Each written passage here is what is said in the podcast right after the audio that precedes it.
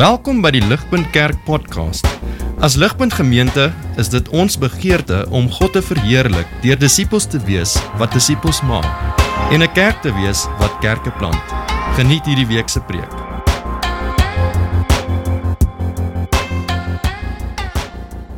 begin vanoggend um, om net vir ons die die tweede deel van vers 8 te lees en en julle kan julle blaadjies bylhou die die hele tyd ek gaan baie daarna verwys. Die tweede deel van vers 8 sê Blessed is the man who takes refuge in him. Blessed is the man who takes refuge in him. My vraag volgende aan elkeen van ons is glo jy dit? Glo jy dit werklik? Glo jy dat wanneer jy skuilings vind by die Here, is jy geseënd en gelukkig? Nie sal jy noodwendig geseënd wees of sal jy gelukkig wees nie, nee, jy is geseënd en gelukkig. Glo jy dat in midde van die wêreldse gebrokenheid, die land se toestand waarin ons vandag leef, dood van familielede en vriende dalk naby aan jou, te midde van kanker en siektes, swaar kry ook in jou huwelik, by die werk, met daaglikse konflik en veg teen sonde en te midde van 'n moeilike jaar, dalk wil jy selfs ook 'n geestelike droë jaar gehad het dat as jy skuil by die Here, is jy geseënd. Glo dit? My gebed is dat ons hierdie vraag aan die einde van vanoggend, soos ons hier uitloop, in die positief kan antwoord. Dat ons met opwinding en confidence hier kan uitloop en sê ja, ek is geseënd as ek skuil by die Here, maak nie saak in watter moeilike omstandighede ek leef nie. En so kom ons spring in die Psalm in. Ons begin in vers 1 tot 3 en julle kan saam my lees. Dawid die toekomstige koning is besig om hierdie Psalm af te skop met lofprysing. En so hy begin, hy sê I will bless the Lord at all times. His praise shall continually be on in my mouth. My soul makes its boast in the Lord. Let the humble hear and be glad. Oh magnify the Lord with me and let us exalt his name together. Dawid is besig hier om die Here se naam te loof en prys, maar ons sien iets baie interessant in verse 1 en 2 en 3. Sien in verse 1 en 2 is Dawid persoonlik besig om die Here se naam te loof en prys. Ons sien hoe hy sê I will bless the Lord and his praise shall continually be in my mouth. My soul makes its boast in the Lord. En dan in vers 3 doen Dawid iets anders. Hy nooi ons in. Hy nooi Israel as te ware in om saam met hom die Here se naam groot te maak. Hy sê, "O magnify the Lord with me and let us exalt his name together." So sien hoe Dawid persoonlik die Here se naam loof en prys, maar dan ook die res van Israel innooi om saam met hom die Here se naam te loof en prys. En so hierdie verskynsel is wat ons dan ook kry in die res van Psalm 34. Wanneer ons kyk na verse 4 tot 7 sien ons hoe Dawid dan gaan net na hierdie sal in 'n oomblik kyk daarna en as te ware sy eie persoonlike motivering gee vir hoekom hy die Here se naam loof en prys. Dawid gee vir ons as te ware sy getuienis, sy storie. Hierdie is wat met my gebeur het en dis hoekom ek in vers 1 en 2 die Here se naam loof en prys. Maar dan sien ons in die res van die Psalm sê Dawid wel wag, dit wat waar is van my storie en my motivering, my ervaring sal ook waar wees van julle storie Israel en julle ervaring en daarom kan julle saam met my vers 3 die Here se naam loof en prys. En so ons gaan daai bietjie uitpak in die res van van ons tyd saam. En so voor ons kyk na spesifiek na Dawid se persoonlike ervaring dink ek dit sal behulpsaam wees vir ons om net vinnig konteks te kry waarin hy hierdie Psalm skryf. En so die konteks van hierdie Psalm leer ons dat Dawid se omstandighede was alles behalwe goed. Dawid skryf hierdie Psalm nog voordat hy koning was. Dawid was eersins in gevaar by Saul gewees wat tans koning van Israel was en dit nadat die skare geskree het Saul het sy duisende verslaan maar Dawid sy 10000de wat beteken het Saul was daarop uit om Dawid te vermoor. En so in 1 Samuel 19 lees ons hoe Saul sy manskappe agter Dawid aanstuur om hom spesifiek te gaan vermoor maar omdat hierdie manskappe actually nog lief is vir Dawid hulle het dit nie gedoen nie. En so toe gaan Saul in 'n oomblik van woede terwyl Dawid die harp hom speel en hy probeer Dawid self met sy spies vasben. En so na dit vlug Dawid vanuit sy eie mense se plek, sy eie mense maat en as dit nie genoeg was nie, dan sien ons hy hardloop nog 'n vyand in naby Gat. En so Agis, die koning van Gat word onmiddellik jaloers en Vyandig teenoor Dawid omdat hy geleer het wie Dawid is en hy wil hom eintlik doodmaak. En so Dawid besluit toe in 'n oomblik wel hy gaan voorgee asof hy mal is. Hy gaan kranksinnig optree en hopelik dan sal hulle hom wil wegjaag en en dis dan presies wat gebeur. So Dawid gee voor as hy mal is en so jaag hulle hom toe uit en dis hoekom ons lees dan aan die begin van die Psalm of David when he changed his behavior before Abimelech so that he drove him out and he went away. En so vanuit hierdie ervaring skryf Dawid dan vir ons sy sy ervaring in vers 4 tot 7. Hy sê I sought the Lord and he answered me and delivered me from all my fears. Those who look to him are radiant and their faces shall never be ashamed. This poor man David cried and the Lord heard him and saved him out of all his troubles. The angel of the Lord encamps around those who fear him and delivers them. Wat vir my baie opvallend en interessant is van Dawid se ervaring is is drie dinge. Daar's drie duidelike gebeurtenisse uit hierdie hierdie drie verse. Ons sien dat Dawid eersins het swaar kry. Hy het affliction. Hy praat van sy fears en hy praat van sy troubles. Okay, dis die eerste ding wat ons sien. Dan sien ons ook Dawid het uitgeroep na die Here. Ons sien dit in in verse 6 en nee, skus. Ons sien dit in um verse 6 waar hy ja, vers 6 waar hy sê this poor man cried and the Lord heard him. Hy het uitgeroep na die Here. In vers 4 sê I sought the Lord. So sien hoe David David het swaar kry en hy het uitgeroep na die Here, maar dan sien ons derdens die Here het hom gehoor en gered. In die eerste vers sien ons die woord delivered en selfs in die laaste vers sien ons delivers. So die Here het hom gered uit sy omstandighede. So daar's drie duidelike dinge wat hier gebeur in Dawid se ervaring. Swaar kry of affliction, 'n roep na hulp of 'n crying out en dan redding of deliverance. En daarom in die lig van hierdie, in die lig van hoe God met hom gewerk het, skryf Dawid net na in vers 8, "O taste and see that the Lord is good. Blessed is the man who takes refuge in him." Hoe kan hy dit sê? sien Dawid weet dat skuiling by God in die midde van swaar kry is baie baie beter as enige gemak sonder God. Maar ook weet hy dat deur te skuil by God al is daar swaar kry en oppositie en vyandigheid en gevaar en onsekerheid sal hy geseënd wees. Hy sal gelukkig wees. Daar sal vreugde wees want God hoor ons. Hy hoor wanneer ons uitroep na hom. En hy is naby aan ons en hy sal hierdie swaar kry gebruik en uiteindelik beloof hy om ons te red. Soms dadelik te red uit om ons ons omstandighede dalk bietjie langer te vat, maar hy sal ons uiteindelik red op sy tyd. En so hierdie waarheid wat Dawid hier vasgevang het dat die almal wat by die Here skuil geseënd is. Al is daar swaar kry, wil Dawid nie vir homself hou nie. Hy wil hê die hele Israel moet sien hierdie is waar. En so hy nooi Israel in en sê kom. Beproef en ervaar. Taste and see that the Lord is good. Dat jy sal geseënd wees as jy by die Here skuil. Wat waar is van my ervaring sal waar wees van jou ervaring. En dit sien ons dan in die res van die Psalm. Nou gaan nie te veel in diepte gaan nie, maar ons sien in verse 8 tot 18 verduidelik Dawid aan Israel, julle sal ook swaar kry ervaar. Ons sien dit in vers 19, many are the afflictions of the righteous. Hy sê julle sal ook uitroep na die Here when the righteous cry for help, vers 17. Maar hy sê julle sal ook redding ontvang. So in vers 17 en 19 en 22.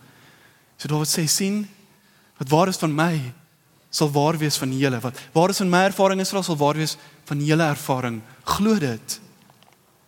En so dan ligpunt moet ons sien dat wat waar is van koning Dawid en so dan ook waar is van Israel is dan net so waar van Jesus en is net so waar vir ons.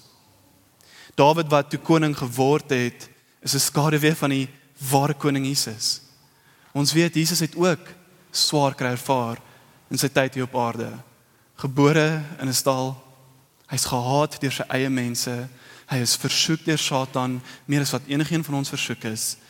Hy is verraai deur sy beste vriend en hy is uiteindelik gemartel in die wreedste vorm en daarna gehang op 'n houtkruis terwyl hy die wêreld se sonde op hom geneem het. Jesus het swaar kry ervaar. Maar ook het Jesus uitgeroep na sy Vader. Menigte kere op aarde het hy dit gedoen. Baie van die kere het die Vader hom direk geantwoord en hom gered uit die omstandighede uit. Maar toe Jesus eers uitroep in die tuin van Getsemane, het die Vader hom nie dadelik geantwoord nie. En so het Jesus geroep op die kruis: "My God, my God, waarom het jy my verlaat?" Hy het uitgeroep. En God het hom nie daar dadelik geantwoord nie. Maar daar waar dit gelyk het of Jesus se swaar kry soos 'n verloor was en sy uitroep dalk te vergeefs was en moontlik net 'n verloor vir die wêreld is, daar, net daar bewerkstellig God die grootste oorwinning ooit. Die verlossing van sy mense. En so Jesus se uitroep is toe gehoor die derde dag toe hy opgestaan het uit die dood.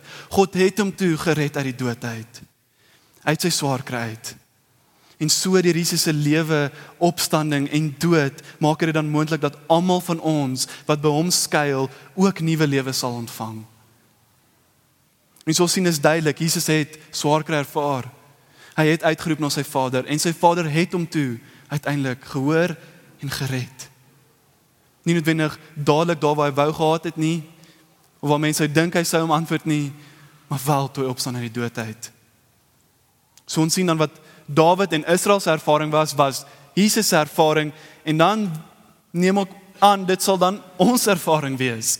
En Jesus sê dit ook. Johannes 16 vers 33 sê hy I have said these things to you. Hy verwys na sy kruisdood that in me you may have peace. In the world you will have tribulation. Jy sal swaar kry ervaar. But take heart. I have overcome the world. Ligpunt Jesus het die wêreld oorkom. Daar toe opstaan uit die dood uit. En so wanneer jy in swaar kry is en terugkyk op jou swaar kry, roep uit na die Here.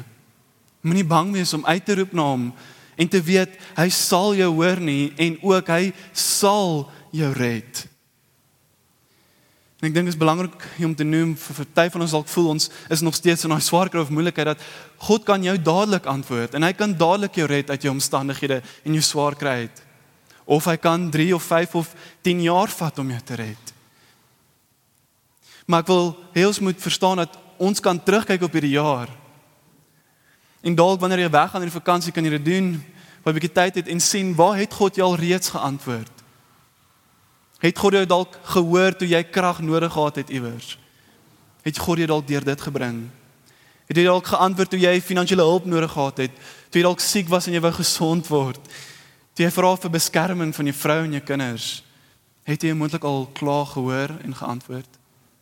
Maar as hy nie het nie, as hy nie het nie, is hierdie belangrik selfs al bly die swaar kry, selfs al gaan dit nie weg nie.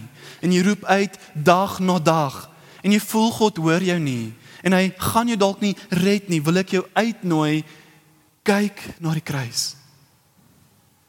Kyk na die kruis. Want die kruis lyk soos verloor. Dit lyk soos geen hoop nie. Dit lyk soos vernietiging en dit proe soos dood. Maar dis juist daar, dis juist daar waar oorwinning plaasvind in daai oomblik. Sien oorwinning is om te kruip en te huil partykeer alleen in stilte en donkerte en te wonder of enigiemand eintlik omgee of weet wat aangaan in jou lewe. Oorwinning is om uit te roep, my God, my God, waarom het jy my verlaat? Oorwinning is partykeer 'n koue en 'n gebroke haleluja. En hierdie is hoekom dit oorwinning is. Want net soos God deur Jesus se dood op die kruis oorwinning bewerkstellig het, net so in die midde van jou beproewing en jou tragedies sal God op 'n misterieuse manier wat ons nie altyd verstaan nie, oorwinning bewerkstellig in jou en deur jou sodat sy krag beoefen word in jou swakheid en sy glorie skyn selfs in jou laagste laagtepunt. En so al blaas jy soos Jesus jou laaste asem hier op aarde in die midde van swaar kry, sal God jou ook laat opstaan uit die dood uit. En jy sal saam met hom wees in 'n ewigheid in 'n nuwe, mooier en beter wêreld sonder enige swaarkry of gebrokenheid. Taste and see the Lord is good. Blessed are those who take refuge in him. John Stott skryf, We have to learn to climb the hill called Calvary and from that vantage ground survey all life's tragedies. The cross does not solve the problem of suffering, but it supplies the essential perspective from which to look at it. En dis dan presies wat ek wil hê ons moet doen. Ek wil hê ons moet kyk vanuit die kruis. Ek wil hê ons moet perspektief kry op hierdie jaar en op ons moeilike omstandighede en dalk swaar kry. Wil jy met 'n gesonde perspektief hê waarmee ons hier kan wegstap volgend? En so daar's vir my duidelik twee goed wat ons kry uit die Psalm uit perspektief op 'n moeilike jaar. Een is dat daar wel waarskuwing is in hierdie Psalm. Daar's 'n waarskuwing en dan is daar bemoediging. En dis gesonde perspektief om na altyd te kyk. En so kom ons kyk na die waarskuwing. Wanneer ons nie by Jesus skuil nie. Wanneer ons nie vertrou in hom nie. Nie glo hy is ons persoonlike verlosser en redder en hy is ons koning nie en nie vas aan hom in sy kruisdood en bekeer van ons sonde nie, dan sê vers 16 the face of the Lord is against those who do evil to cut off the memory of them from the earth. Dan sê vers 21 affliction will slay the wicked and those who hate the righteous will be condemned. Hier's 'n duidelike waarskuwing dat as jy nog nie by Jesus skuil nie, doen dit, anders is hierdie waar van jou sien jy kan kies om swaar kry in hierdie lewe op jou eie te doen en self te probeer hanteer, maar die Psalm maak dit duidelik jy gaan vernietig word deur daai swaar kry. Maar jy kan ook kies om by Jesus te skuil en hom jou koning te maak en hom jou redder te maak en 'n gesonde perspektief te kry op jou swaar kry en te sien hoe God dit gaan gebruik. En nie vernietig te word deur dit nie, maar actually opgebou te word deur dit. Maar dan ook kry ons bemoediging ongelooflike bemoediging uit hierdie Psalm uit vir die wat voel dit was 'n moeilike jaar nog steeds dalk in die midde van swaar kry is. Ek het reeds genoem Jesus kan jou dadelik kry. Vir party van ons hier is dalk op 'n goeie plek en is amazing. Maar vir die wat dalk voel hulle is in die midde van daai swaar kry en hulle weet nie wanneer God hulle noodwendig gaan hoor of red nie. Hoor saam met my drie ongelooflike waarhede wat hierdie Psalm vir jou gee vanoggend en vir my gee. Die eerste een. Die Here sien jou en hy hoor jou. Die Here sien jou en hy hoor jou. Vers 15 sê the eyes of the Lord are toward the righteous and his ears toward their cry. Sien wanneer jy skuil by Jesus is hy nie blind vir jou swaar kry nie. Hy sien elke oomblik daarvan. Hy weet wat is swaar kry. Hy het dit self ervaar en hy's nie afwesig nie. Hy hoor elke uitroep en elke gebed wat jy maak tot hom. Hy's nie doof vir dit nie. En Jesus sê ek sal jou nooit verlaat nie. Ek was verlaat op daai kruis sodat jy nooit hoef verlate te wees nie. Ek kyk na jou en ek hoor jou. Glo dit. Die tweede waarheid wat ons skryf in Psalm 8 is die Here is naby aan jou. Sien nie net hoor God of sien hy van 'n afstand af wat aangaan in jou lewe nie, nie hy's hier by jou en naby aan jou. Hy kyk nie van ver af nie en hy hoor nie van ver af nie. Hy is by jou in jou omstandighede. Vers 18 sê the Lord is near to the broken-hearted and he saves the crushed in spirit. 'n Ander vers wat hierdie baie mooi vir my saamvat is ook Hebreërs 4 vers 15 wat ons ken. We do not have a high priest, he says, who is unable to sympathize with our weakness. Daai woord simpatiseer is belangrik sien ek moes vinnig in huwelik leer dat om simpatie te hê beteken nie net om te sê hier's die oplossing, kom oor dit en gaan aan nie, maar net te wees en net te hoor. En dis wat Jesus doen, hy's met ons in ons omstandighede. Hy probeer nie dadelik vir jou oplossing gee nie. Hy probeer nie vir sê kom oor dit en wees beter nie, nie. hy's net met jou.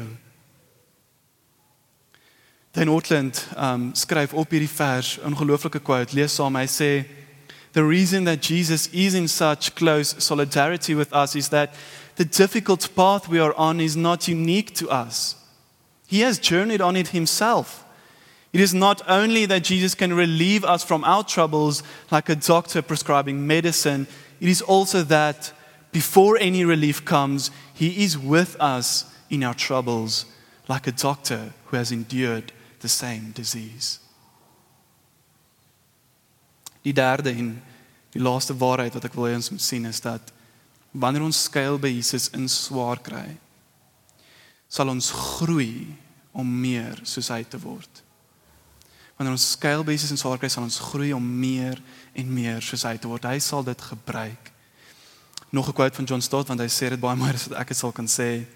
Hy sê the cross of Christ is the hope of final glory. See, Jesus clearly looked beyond his death to his resurrection, beyond his sufferings to his glory, and indeed was sustained in his trials by the joy that was set before him. The hope of glory makes suffering bearable. The essential perspective to develop is that of the eternal purpose of God, which is to make us holy or Christ-like. En hierdie is dan ook die gedagte waarmee Dawid sy Psalm eindig. Dawid sê in vers 22, "The Lord redeems the life of his servants. None of those who take a refuge in him will be condemned." En so wat Dawid hier sê is eintlik ongelooflik. As ons bietjie nader kyk, sien ons hy skryf the Lord redeems the life of his servants. Dis 'n aktiewe woord daai. Die 83 vertaling sê die Here maak sy dienaars vry. So met ander woorde, die Here is besig om sy mense, sy gesande se lewens te red. Ja, ons is gered. Een keer en finaal, maar ook is God besig om ons nou te red om ons meer soos Jesus te maak, sodat wanneer ons voor hom verskyn, is ons perfek en heilig, Christ-like. En so ek weet ons hoor hierdie baie keer, maar ek wil dit weer sê, God gebruik jou swaar kry en moeilike ervarings om jou te vorm en vou. Nie een sekonde van jou pyn en seer of worsteling is verniet nie. En so die tweede deel sê vir ons none of those who take refuge in him will be condemned. En dit sluit net aan by wat ons voorgesê het.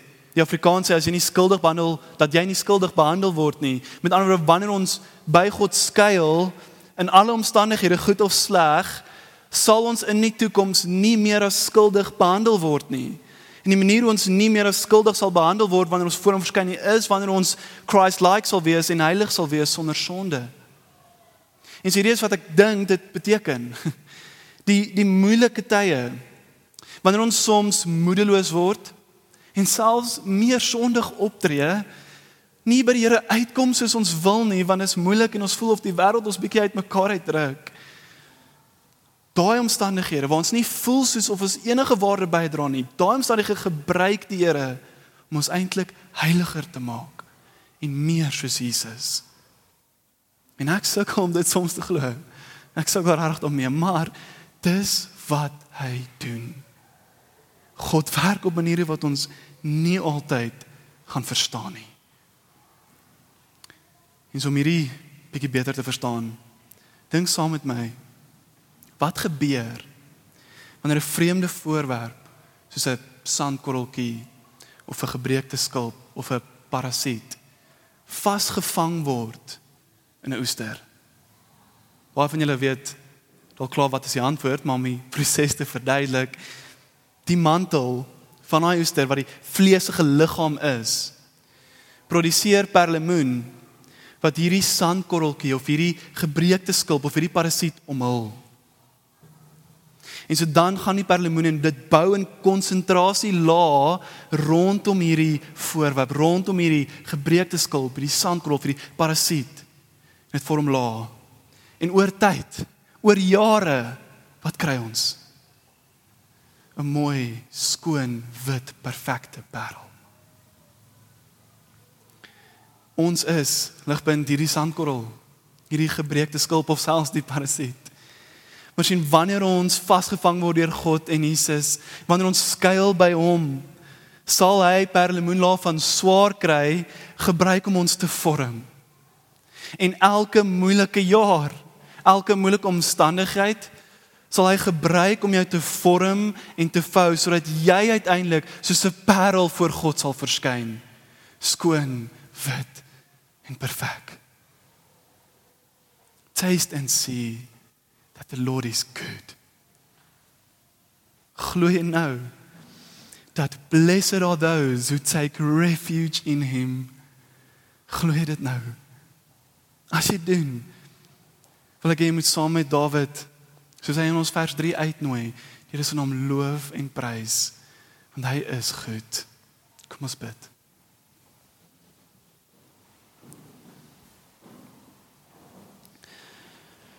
Almagtige Vader, dankie vir u goedheid. Here, dankie dat u goed is wanneer ons by u skuil. Here, dat wanneer ons u by u skuil, Here, sal u gebrokenheid en swakheid en swaarkry gebruik om ons meer soos u te maak. En in die midde van dit is u by ons. U is met ons in ons gebrokenheid en u hoor ons en sien ons. Here, mag hierdie waarhede, hierdie perspektief wees wat ons hier uitvat vir oggend in hierdie vakansie in en selfs weer wanneer dit dalk moeilik raak, Here, mag ons hierdie onthou. En mag U met ons wees, asseblief, soos U beloof. Ons vra dit in Jesus se naam. Amen. Vir meer inligting oor Ligpunt Kerk, besoek gerus ons webwerf op www.ligpunt.com of kontak ons gerus by info@ligpunt.com